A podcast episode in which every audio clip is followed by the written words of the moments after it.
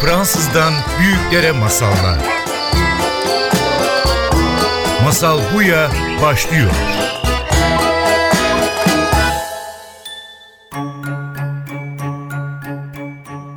Masal Buya'ya hoş geldiniz. Ben Cidit Liberman. Bugün programımızda yol ve dünyayı keşfetmek hakkında bir masal anlatacağım size. Ardından o masalı konuşmak için Gezgin Hülya Tosun konuğum olacak. Masal Buya'da Büyükleri Masal başlıyor. Moişe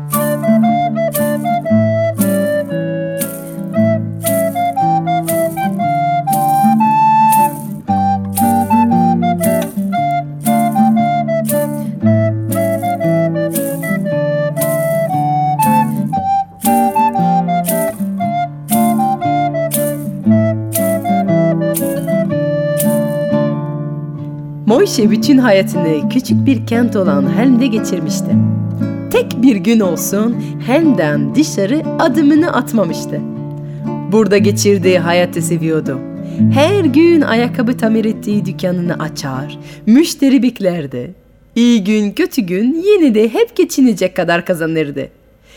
Eve gittiğinde karısı Melda ve çocukları onu bekliyor oluyordu.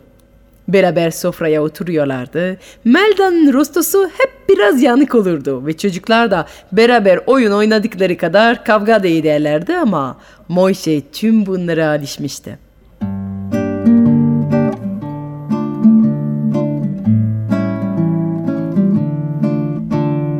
Bir bardak çay içmek ve kentte olup bitenleri üzerine sohbet etmek için kahveye gittiğinde birilerin dünyanın başka yerlerde gördükleri şeyler hakkında anlattıkları hikayeler dinlerken büyüleniyordu. Genellikle şöyle derlerdi. Ah Moşe, bu kentin dışındaki hayatın nasıl olduğunu bir bilsem, ah bir bilsen ama yok yok. Bilmesen daha iyi. Biz biliyoruz ve bu bizi daha mutlu yapmıyor inan. Tam tersi. Buradaki sade ve sakin hayattan senin aldığı zevki biz alamıyoruz artık. Aslında Moşe dışarısı çok farklı değil. Sadece küçük farklar var. Ama sonuçta bunlar çok büyük fark yaratıyorlar. Küçük farklar hayatın tadını değiştirir. Küçük farklar bilir misin? Büyük farklar yaratır. Hiç gitme bence hiç görme Ne gerek var burada kal Hiç gitme giden hiç dönmez Gidiyorsan hoşça kal Moşe gülümse elindekinden memnunmuş gibi yapardı ama içten içe hayal gücü kanatlanıp uçardı. Diğer kentlerde bu kadar farklı ne olabilirdi ki?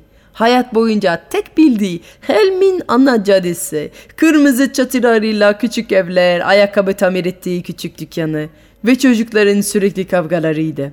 Başka bir yerde hayatın daha güzel olduğuna inanması çok zor değildi yani. Böylece merakı öyle büyüdü, öyle büyüdü ki başka hiçbir şey düşünemez hale geldi. Artık Helm'deki hiçbir şeyden zevk alamıyordu. Sokaklar fazlasıyla dar, rosto fazla yanık, ev fazla gürültülü geliyordu. Bu duruma bir gün bile katlanamayacağını hissediyordu. Sonunda bir sabah yanında biraz yiyecek aldı ve her zamanki gibi dükkanına yürümek yerinde kentin dışına çıktı. Arkasına bakıp da artık kendi göremeyecek kadar uzaklaştığını fark ettiğinde bir oh dedi. Şimdiden hafiflemeyi başlamıştı ve şarkı söylemeyi koyuldu. Adım atar atmaz hafifledim Yol açılıyor ben geldim Ne göreceğim merak ederim Hayaller gerçek mi acaba Göreceğimi hayat gösterir Sonra eve dönerim ekmeğinin ve peynirinin bir kısmını yiyerek bunu kutlamaya sonra bir ağacın altına kestirmeye karar verdi. Uykuya dalmadan önce yolun hem geldiği hem gideceği tarafına baktı ve iki tarafın aynı göründüğünü fark etti. Gözünün görebildiği yere kadar yol boyunca aynı ağaçlar ve tarlalar uzanıyordu. Uyandığında hangi tarafa gideceğini nasıl anlayacaktı ki? Hemen bir çözüm düşündü. Ayakkabılarını yolun kenarında, topukları geldiği yönde, burunları gideceği yöne bakacak şekilde yerleştirdi. Ve bulduğu yaratıcı çözümünden memnun bir şekilde güvenle uyuyadaldı. O uyurken oradan geçmekte olan bir yolcu yol kenarında güzel bir çift ayakkabının durduğunu gördü. Daha yakından bakmak için ayakkabıları eline aldı ama aslında sayısız kez tamir edildi belli. Tabanları delik deşik, üstü deri parçalarından bir yama işine dönmüş, çok eski ayakkabılar olduğunu fark etti. O yüzden onları bulduğu yere bıraktı ama ters yöne doğru bırakmıştı. Moişe uyandığında ayakkabılarını yol kenarından aldı ve kendini bir kez daha bu dahice buluşundan dolayı kutladı. Ayakkabılar olmasaydı kesinlikle yanlış tarafa giderdi. Ayakkabıları ayağına geçirip yeni bir kent, yeni bir dünya keşfedecek olmanın heyecanıyla tekrar yürümeye başladı.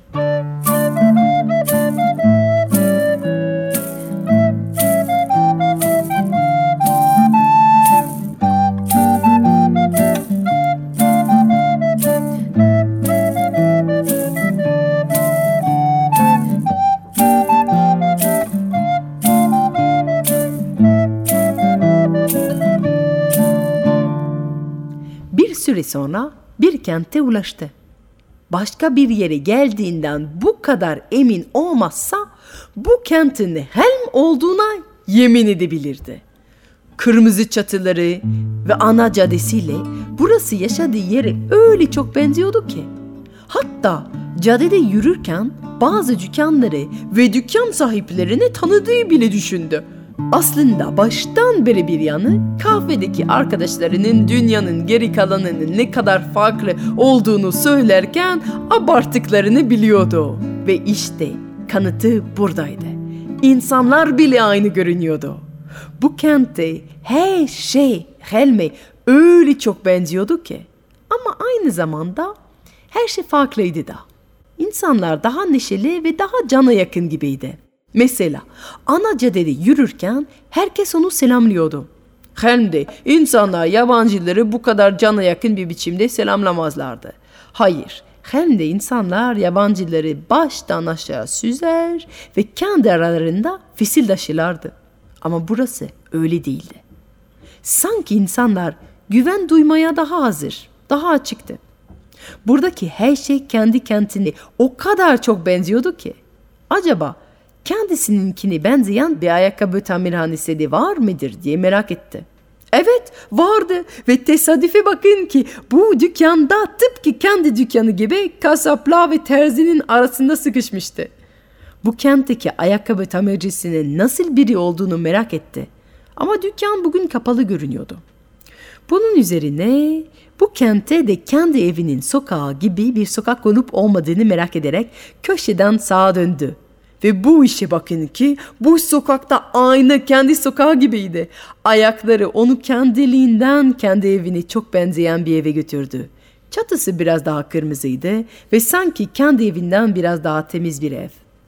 Sokaktaysa kendi sokağındaki genellikle kavga edip barışan çocukların aksine gülen ve oynayan çocuklar vardı. Sonra neredeyse kendi karısının sesine benzeyen bir ses duydu. Ama bu seste biraz daha sevgi vardı sanki.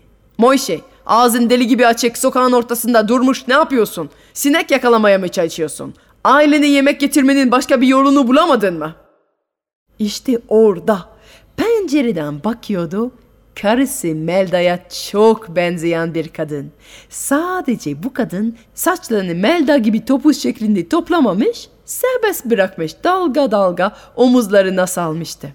Kadına gülümsedi. Ne kadar tatlı bir kadındı. Herhalde onu kocası sanmış olacaktı. Eğer bu kadın karısına bu kadar benziyorsa bu kente kendisine benzeyen Moşe adına bir adam da olabilirdi pekala. Moşe birdenbire kendisine benzeyen bu adamla tanışmak için can atmaya başladı. Böylece eve girdi. Her misafirin yapacağı gibi kadına mutfaktan gelen güzel rosto kokusun hakkında iltifatlar etti ve hatırını sordu. O akşam diğer Moşe evi gelmemişti. Karısı ve çocukları doğal olarak yeni gelen Moişe'yi o sanmış. Kadın onu kocası, çocuklar da babaları gibi davranmıştı. Moişe onlara gerçeği söylememeye karar verdi. Varsın, onun sandıkları kişi olduğuna inansınlardı. Onları elinden gelen en iyi şekilde dinledi ve ihtiyaçlarına karşılık vermeye çalıştı. Kendi kentinde bıraktığı kendi karısı ve çocuklarına da başka birinin aynı şekilde davranmasını umuyordu.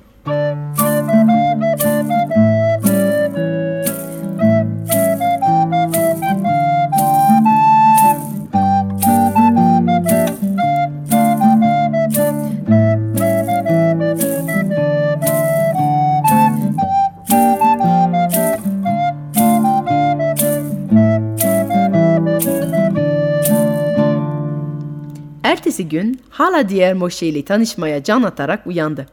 Başka bir yere gitmek için yoluna devam etmek yerinde gidip diğer Moşe'nin ayakkabı dükkanında çalışmaya karar verdi. İşini elinden gelen en iyi şekilde yaptı. Diğer Moşe'nin ihtibarını kötü işçilikle zedelememeye dikkat etti. Akşam eve dönerken diğer Moşe tarafından terk edildiğini düşündüğü zavallı kadın ve çocukları düşünerek yoldan bir demet çiçek ve çocuklar için hediyeler aldı. Günler gelip geçiyordu ve Moşe sabırla diğer Moşe'nin dönmesini bekliyordu. Bu arada diğer Melda ile yaşadığı hayatına alışmıştı. Çocukları da elinden geldiğinde iyi yetiştirmeye çalışıyordu. Bu kentte hayat daha kolay gibiydi. Zamanla dükkana daha fazla müşteri gelmeye başladı ve daha çok kazanır oldu. Diğer Melda kendi karısından daha nazikti. Daha az şikayet ediyordu. Diğer çocuklar da kendi çocuklarından daha meraklı ve daha zekiydilerdi. Moişe kendi kentini terk ettiğinde ve diğer helmeye yerleştiğine hiç pişman olmadı. Dünyanın geri kalanının çok farklı olduğunu doğru değildi.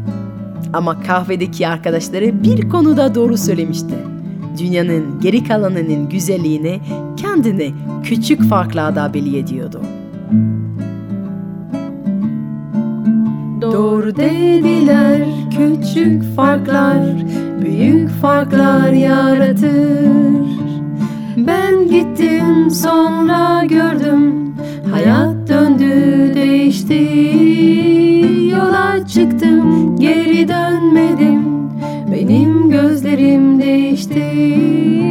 Yola çıktım geri dönmedim benim gözlerim değişti. Masal Buya devam ediyor.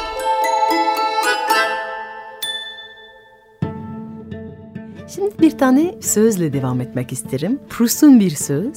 Keşif için çıkılan yolculuklar yeni yerleri görmekle değil, yeni gözlerle bakabilmekle başlar dedi Proust. Ve bu yolculuk üzerine benim çok hoşuma giden bir söz gerçekten. Yani keşif nedir, yolculuk nedir? Biraz bizim masalımızın teması zaten buydu. Ve bu konuyu konuşmak için şu an stüdyoda Hülya Tosun'la beraberiz. Hülya dünya geziyor ve gördüklerin hikayeleri Ruh Bohça'da gezen blogunda yazıyor.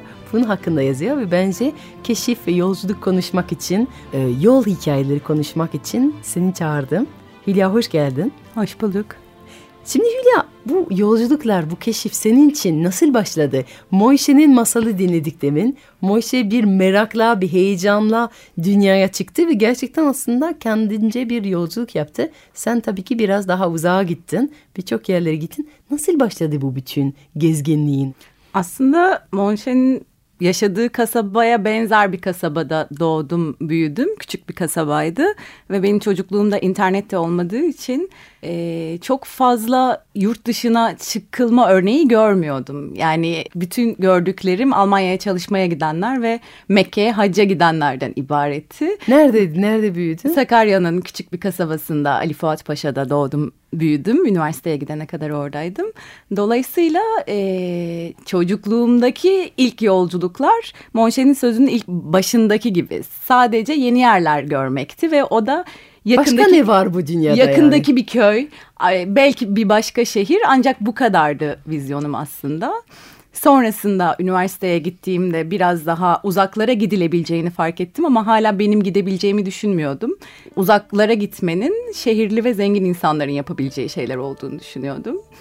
Evet Sonra... çünkü senin hikayende bu çok hoşuma giden tarafı bu gerçekten. Çünkü tabii ki çok kolay. Zengin insan için ya da belli bir imkanı olan bir insan için böyle uzaklara gidebilmek. Ama sen böyle yolculuklar yapmıyorsun. Farklı yapıyorsun. Senin ilk yolculuğun nasıl başladı? Aslında ilk yurt dışı seyahatim şuradan başlamak lazım. Dil öğrenmek istiyordum, İngilizce öğrenmek istiyordum ee, ve uzun yıllar mücadele sonrası İngiltere'ye dil öğrenmek için gitmeyi başardım. Döndükten sonra e, bir Interrail hayali kurmaya başladım. Trenle Avrupa seyahati. E, Interrail diye bir şey olduğunu 18 yaşındayken öğrenmişim. Bunu başarabildiğim yaşım 28'di. E, öyle bir yolculuk planladık ve hayal ettik ki sanki hayatımın ilk ve son yolculuğu gibi. Bütün ömür boyunca hayal edilmiş, o gerçekleşecek. O yüzden de üç haftaya sığdırabildiğimiz kadar çok şehir sığdırmaya çalıştık, ülke sığdırmaya çalıştık. Ev arkadaşımla e, bir interrail yaptık üç haftalık. Öyle başladı aslında yolculuk. Öyle de girmiş seyahat virüsü. Evet. O ee, zaman yazıyor muydun yol hikayeleri? Yazmıyordum. O zaman günlükler tutmaya çalışıyordum ve e, benim için dünyanın en sıkıcı metinleriydi. Kendim bile dönüp okumuyordum ve hiçbir zaman ya, hayal bile edemezdim günün birinde yolculuklardan hikayeler yazacağımı ve bunu insanlarla paylaşacağımı.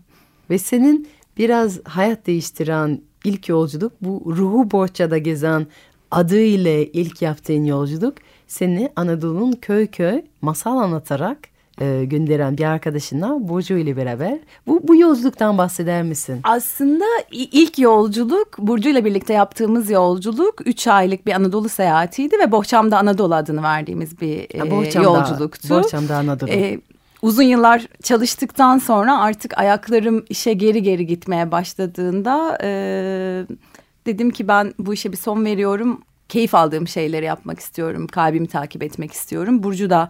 Ve beyaz yakalı dünyadan istifa ettin o zaman. Yolculuk için. İşten ayrılma kararı aldım. Neyse ki şanslıydım. Onlar beni çıkarttılar uzun uğraşların sonucunda. Ve bir arkadaşımla yola çıktık. Üç ay boyunca Mersin'den başladık. Mersin, Siirt, Diyarbakır, Tunceli, Rize, Artvin, Kars.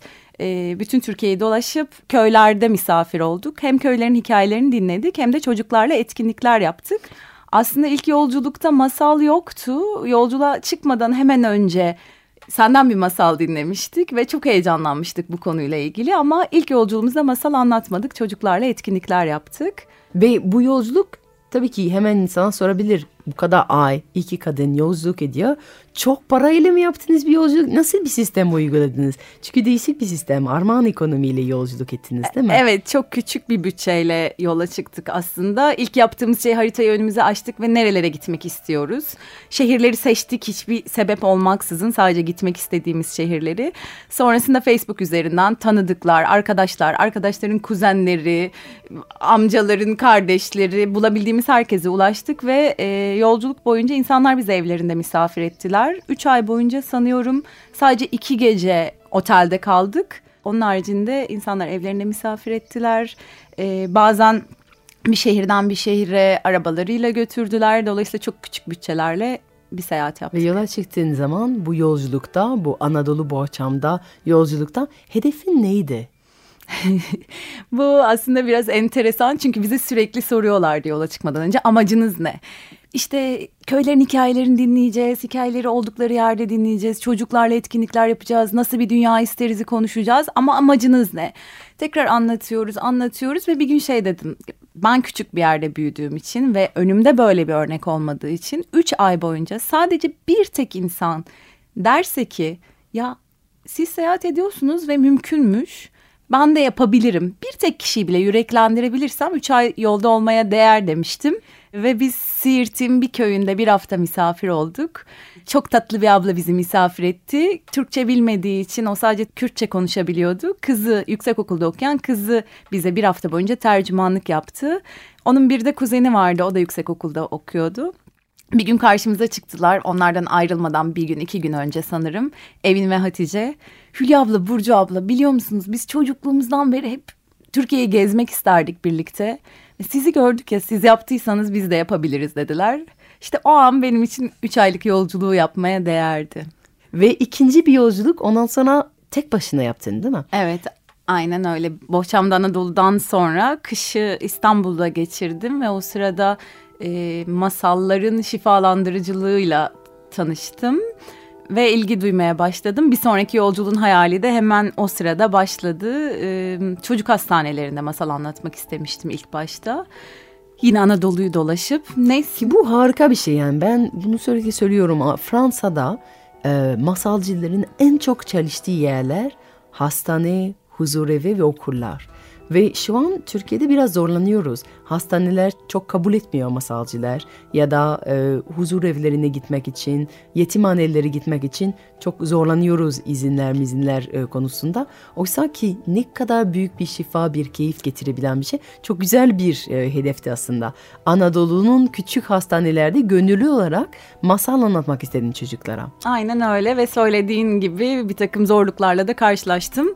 Hastanelere gitmeme sebebim aslında güzeldi. Dediler ki küçük şehirlerde çocuk hastaneleri yok. Hastanelerin çocuk bölümünde de çok az hasta kalıyor neyse ki.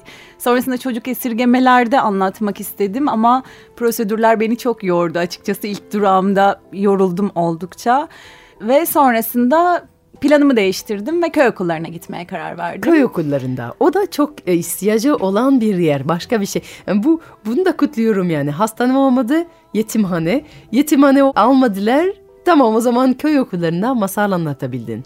Evet ve yolda bu değişikliği yaptığım için Örneğin ilk durağım Antakya'ydı. Antakya'da tanıdığım tek bir kişi vardı ve o da aslında Antakya merkezde yaşamıyordu. Dolayısıyla prosedürlerle uğraşırken ilk 10 gün içinde tanıştığım 5-10 kişi sonraki dönemlerde anlatacağım okulları bulmam konusunda bana yardım ettiler. Burada çok önemli bir nokta var. Bunu da çok seviyorum. Yolculuğun da doğaçlama. Çünkü masal doğaçlama bir sanattır masal anlattığımız zaman evet biraz nasıl olacağını biliyoruz ama hep değişmeye hazır olan bir e, sanat ve her anlatışı farklı. Yani birçok insan aslında bir yola çıkmak ya da bir proje gerçekleştirmek istediği zaman bu proje başlamadan önce tamamen eksiksiz hazırlamaya çalışır ve hedeflenir. Oysa ki gerçekleşince bir sürü yeni şeyler, öngörülmemiş birçok şeyler geliyor. Sen aslında çok rahat, hemen hemen bütçesiz projeler gerçekleştirdin ve ikisinin aslında tamamen doğaçlama gerçekleşti. Yolda değiştirdin ve birden kendine o, o köy okullarında anlatırken buldun. Ben de kendimi aslında biraz yolda keşfediyorum. Böyle olduğunda sanıyorum yoldaki gelen destekleri, o armağanları kabul etmek için açık oluyorum ve bu bana ayrı bir keyif veriyor. Evet. Köy geze geze çocuklara masal anlattın ve aynı zamanda onlara mektup getirdin değil mi? Ne mektuplardı bunlar? Her iki yolculukta da aslında bunu yaptık. İlk yolculukta Burcu'yla da yaptık. İstanbul'dan mektuplarla yola çıktık ve köyden köye, çocuklardan çocuklara mektuplar taşıdık. İkinci yolculuğumda yola çıkmadan önce biraz da masallara alışabilmem için İstanbul'da bir arkadaşımın sınıfında masallar anlattım ve o çocuklar mektuplar yazdılar. Bir sonraki durakta hiç tanımadıkları arkadaşlarına.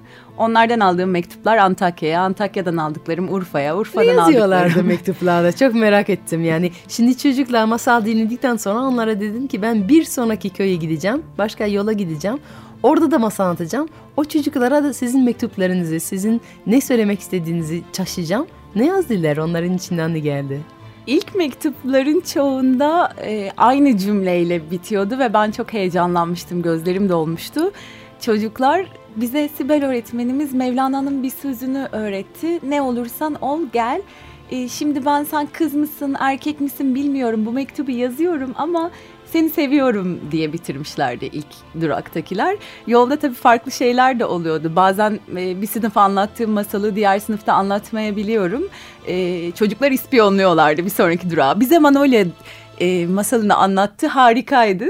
Sonra çocuklar bize Manolya'yı anlatmadın. Yarın gelip tekrar Manolya'yı anlatır mısın diye. Aslında köyden köye haberler de gidiyordu. Masalcının haberleri de gidiyordu. Çok değişik gerçekten. Peki ondan sonra tabii ki bu yolculuklar Anadolu'yla durmadı. Yurt dışına gittin ve daha yeni uzun bir yolculuktan dönüyorsun. Tayland'a ve Kamboçya'ya gittin ve orada yol hikayeleri toplayıp onları senin Ruh Borça'da gezen blogunda paylaştın. Çok da e, büyük bir ilgi gördü. Bu nasıl bir deneyim oldu senin için? Nereden başladı? Senin orada hedefin neydi? Aslında bu üç yıldır beyaz yakalı değilim. Ondan öncesinde bütün tatillerde yurt dışına da gitmeye çalışıyordum. Birçok ülkeyi görmeye çalıştım. Ama ilk defa bu kadar uzağa gittim. Tayland ve Kamboçya'da 40 gün kaldım. Ben genelde nerelere gidilir ne yapılırdan ziyade yolda benim kalbime ne dokundu onu paylaşmaya çalışıyorum. Çok sevdiğim bir söz vardır. Seyahat önyargı, taassup ve dar görüşlülüğün en iyi tedavisidir diye. Oh. Seyahatin benim önyargılarımı kırmasına bayılıyorum. Her seferinde bitti derken yeni bir şey keşfediyorum kendime dair ve o çok keyifli bir yolculuk benim için. Bu yolculukta ne keşfettin örneğin? Ee, aslında birçok şey var. İlk defa Asya'ya gidiyordun değil mi? Çünkü Fas'a gitmiştin, birçok yerlerde gitmiştin ama bu sefer ilk Asya yolculuktu evet, değil mi? Evet, Avrupa'nın birçok ülkesine gittim. Avrupa dışında herhalde Fas, Suriye, İran'da bulundum. İlk defa Asya'ya bu kadar uzağa gittim. İlk aklıma gelen şu oldu. E, benim önyargılarıma dair değil ama Kamboçya'da e, Siem Reap'te bir hostelde kalıyordum. E, hostelin girişinde masada oturuyorum. O sırada içeriye biri girdi. Hostelin sahibi bu giren adama dönüp şey dedi. Bak bir Türk daha var bunlardan kurtulamayacaksın diye şaka yaptı. 60 yaşlarında bir Almanmış. Beni gördü Türk müsün dedi. Evet dedim. Seyahat mi ediyorsun dedi. Evet dedim. Tek başına mı dedi. Evet dedim. Yanıma oturdu. Ee, sonra sohbet etmeye başladık. Almanya'da birçok Türk arkadaşı varmış, e, yakın arkadaşları da. Fakat bir Türk kadının tek başına o kadar uzağa gideceğini hayal edememiş. Onun için çok şaşırdım dedi. Onun Sonra... ön yargısı aslında kadınlar hakkında ve Türk kadınlar hakkında belli bir ön yargısı vardı. Sen ona onu kırmaya yardım ettin. Evet çok şaşırdı. Sonra sohbet etmeye başladık. Söz politikaya geldi. Böyle bir yarım saat konuştuk. Gözleri biraz daha parladı. Sonrasında o muhabbet bitti dansa geldi. İşte salsa ile ilgili bir şey söyledi. Ben de Los Angeles tarzı mı yapıyorsunuz yoksa Küba mı dedim. Gözleri daha da parladı. Salsa da mı biliyorsun dedi. Evet dedim ve biz beş dakika sonra e, Alman bu arkadaşla hostelin içinde salsa yapıyorduk. Ve benim ön yargılarımı kırdığın için teşekkür ederim deyip öyle ayrıldı. Evet bu yolculuklar hep doğaçlama hep şaşırıyorsun aslında nasıl olacak ve kimlerle tanışacaksın. Çünkü senin hedefin insanlara tanışmak ve onların hikaye almak. Senin bu Kamboçya ve Tayland yolculuğun esnasında birçok hikaye ve öykü toparladın, derledin, onları da blogunda yazdın. Senin özellikle kalbinde yer almış bir hikaye var mı gördüğün bir şey, konuştuğun bir şey, tanıştığın bir insan var mı? Öncelikle şunu söyleyeyim ben yalnız olmayı çok sevmiyorum. Yalnız seyahat etmeyi de sevmiyorum. Bu yurt dışındaki ilk bu kadar uzun yalnız seyahatimdi ve hiç yalnız kalmadım. Birçok yalnız gezginle de konuştuğumuzda e, söylenen hep aynı. Uzun yoldayken yalnız olabilmek için gerçekten sizin bunu seçip diğer insanlarla paylaşmanız gerekiyor. Çünkü yolda çok fazla sırt çantalı var ve mutlaka e, onlarla tanışıp bir gününüzü, üç gününüzü, bazen bir haftanızı rota aynıysa birlikte geçiriyorsunuz. Dolayısıyla ben 40 gün dolaştım ama belki bunun iki gününde yalnızdım ve birçok insanla tanıştım. Yolculuğun ilk başında Bangkok'tan Tayland'ın kuzeyine gitmeye karar verdim Chiang Mai'ye ve gece trenine bindim. Gece trenine bindim ve e, ranzalılar üst kat ranzadayım ve penceresi yok. Çok üzüldüm. Dedim ki niye dikkat etmiyorsun? İşte keşke pencereli olsaydı. Sabaha kadar uyudum. Sabah e, kalktım ve trenin tuvaletine gittim. Tuvaletine gittiğimde kocaman bir pencere ve cam yok. Dışarıda muhteşem bir manzara. Kocaman ağaçlar, dev bir orman ve sisler içerisinde. Koşarak restorana gittim orada oturmaya başladım. Karşımda da bir çocuk oturuyor. Bir süre sonra sohbet başladı. İşte nerelisin, Türkiye'liyim deyince aa dedi benim kardeşim gitti ben gidemedim ama e, aa ne güzel nerelere gitti dedim. İstanbul'a gitti dedi. Bir şey bir yer daha söyledi onu hatırlamıyorum. Bir de Konya'ya gitti dedi. Şaşırdım. Genelde işte Kapadokya'yı duyarız, Fethiye'yi duyarız. Konya'ya neden gitti dedim. Çünkü o bir Sufi dedi. Kanada'da yaşıyor, Singapurlu ve Türkiye'ye gelme sebebi aslında Konya'ya gitmekti dedi. Sonrasında anlatmaya başladı hikayelerini. İşte e, Mevlana'ya ziyarete gitmişler. Orada sema yapmak istiyorlarmış ama kapalıymış. Bir kadınla tanışmışlar. O türbeyi açtırmış. içinde sema yapmışlar ve bütün o yolculuğun en güzel anıymış. Ve biliyor musun dedi her yerde çay ısmarlamışlar onlara. İşte dükkanlara çağırmakla kalmamışlar. Evlerine davet etmişler. Herkes çay ısmarlıyormuş dedi. Bizde gelenektir dedim. Sohbet ilerledi bir 10 dakika sonra baktım iki tane çay almış gelmiş ve şey dedi e, sizde gelenek ya ben de burada sana çay ısmarlıyorum ve birkaç yıl önce Konya'da ısmarlanan çaylar dönüp dolaşıp Bangkok'tan Chiang Mai'ye giderken beni buldu ve o anı sanırım unutamayacağım. Harika. Peki Hülya o zaman yolculuk üzerine bizim bu sohbetimiz sona geliyor. Belki yola çıkmak ya da yoldan çıkmak isteyen dinleyicilerimiz için son bir sözün olsa ya da bir tavsiyen olsa ne olur? Ee, aslında sadece yolculuk için değil, kalplerinden gelen her neyse onu yapmak için. Çok beklememek lazım galiba. Ben işten ayrılmaya karar verdiğimde 35 yaşındaydım ve şey dedim. Bütün yıl sadece iki haftalık yıllık izinler için yaşıyorum dedim. Ve sadece bir yıl işsiz kalmayı başarabilirsem bir yıl da 52 hafta var 26 yıllık yıllık izin kadar kalbimi takip ederim demiştim. İki gün önce 3 yıl oldu işten ayrılalı ve gerçekten keyif aldığım şeyleri yapıp kalbimi takip etmeye başlayalı. Dolayısıyla 78 yıllık yıllık izin olmuş. Sadece yolculuk için değil kalplerinden ne geçiyorsa korkmadan galiba bir adım bir nefes bir arkadaşımın çok sevdiğim sözüdür. Küçücük bir adım bile olsa bir adım atıp bir nefes almak ama bir an önce başlamak. Teşekkür ederim Hülya. Ben teşekkür ederim sevgili Judith.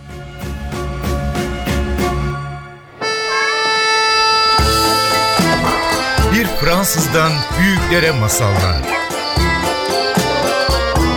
Masal bu ya sona erdi.